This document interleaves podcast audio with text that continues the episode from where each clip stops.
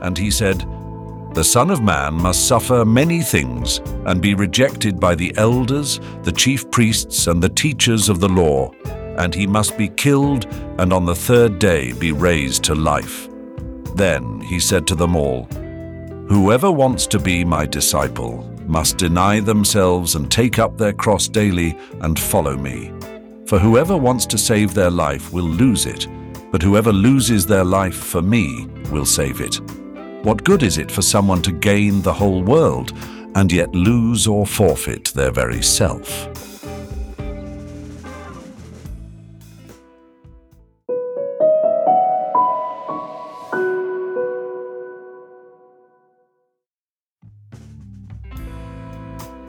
We really dislike thinking and talking about suffering.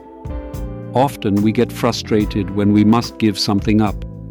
Therefore, in the first days of Lent, we will analyze a certain paradox. In the Gospel according to St. Luke, Jesus speaks of the impending suffering, rejection, death, and resurrection. The Messiah speaks here of himself, but on a different scale isn't this also a prophecy of life's path for each of us? Why are we encouraged to deny ourselves? Denying oneself? It sounds like the title of a best selling self help book that promises happiness through emotional minimalism. And yet, Jesus is speaking of something much deeper. It is not a call to abandon everything we own, but to reevaluate our attitude, to nurture only what truly matters. In a world where success is often measured by diplomas and material gains, Jesus reminds us that true value does not lie in what we can accumulate, but in what we can offer. Daily undertaking the duty and burden of fulfilling God's will is like putting on glasses through which we see the world not in terms of what I can gain, but in colors of what I can give. Isn't this the essence of true freedom? It's not about running away from responsibility, but about consciously accepting it. Anyone who wants to avoid this will lose their soul. Doesn't this remind us of the well known maxim who does not risk does not drink champagne? Except in a light version, the bubbles in the drink have a spiritual dimension.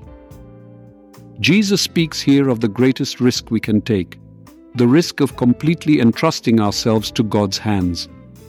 This risk, paradoxically, does not lead to loss but to the greatest of gains salvation for our soul. It's worth mentioning a similar message found in the first chapter of the book of Job. The Lord gave, and the Lord has taken away. Blessed be the name of the Lord. Job, who lost everything he had, eventually gained more than he could imagine.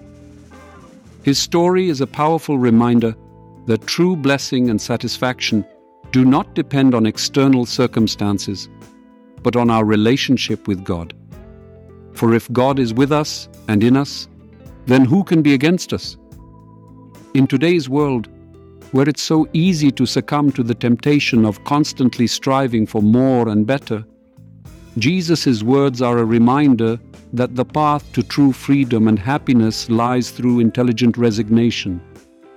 It's not about giving up on dreams, but on selfish desires that pull us away from God and properly understood morality.